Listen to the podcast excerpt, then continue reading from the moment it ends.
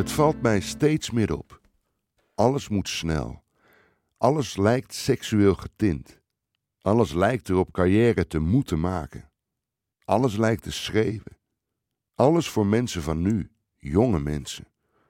Er zijn zoveel meningen bijgekomen, harde meningen vaak. Twitter, Facebook, Instagram, WhatsApp. Wie heeft deze woorden verzonnen? De wereld vanaf een beeldscherm zien en niet kijken waar je loopt. Sommige automobilisten hebben hun, nog zo'n woord, tom-tom voor hun neus hangen. Ze volgen de pijl, niet de weg. Laat staan whatsappen in de auto. Moet toch kunnen? Ik let heus wel op. Ik ben een goede rijder. Het genot en de luxe ervaren om een auto te hebben lijkt er weer gepasseerd.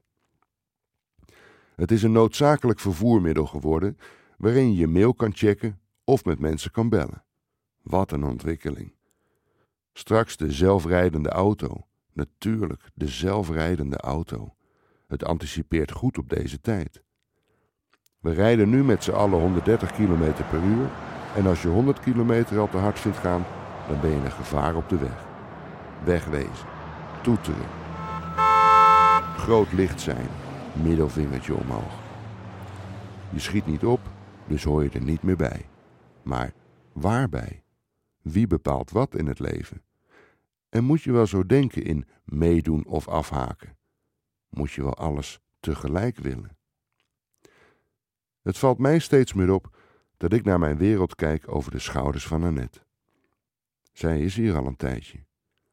Ze heeft Schiphol nog meegemaakt als klein vliegveld. Ze heeft gezien dat het rustig is in de lucht. Ze heeft nog meegemaakt dat er geen files waren, dat de ring van onze stad één rotonde was. Maar het lijkt Annette niet zoveel te schelen. Ze klaagt niet. Behalve dan dat ze haar net geïnstalleerde elektrische trapstoel te langzaam vindt gaan.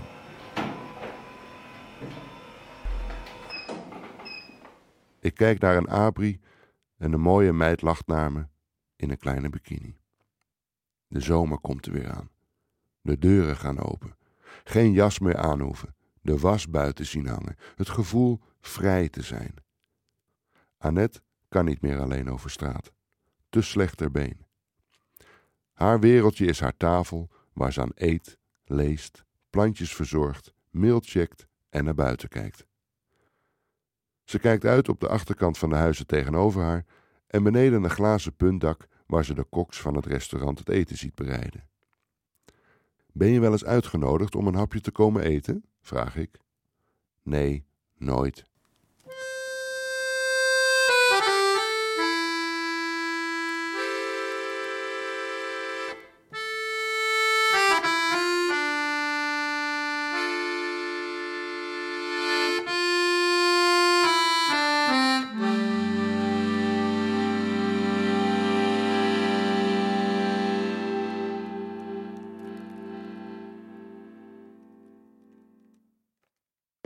NPO Radio 1 Podcast. podcast. Dat visioen van wat mogelijk is, maar nog net om de hoek ligt. Hij stond aan de wieg van de radio. Hanso Itzerda. Dat piepjes woorden worden.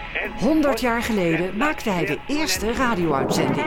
Ik had wel het idee, maar hoe breng je dat nou in praktijk? Luister naar de levensgeschiedenis van radiopionier Hanso Itzerda. Dat muziek zich naar alle kanten door de eten verspreidt. In de podcast De Verhalen. Kijk, wij pionierden natuurlijk, want we wisten helemaal niet wat we eigenlijk wilden. Ga naar nporadio1.nl slash podcast en luister Pension Itzerda in De Verhalen.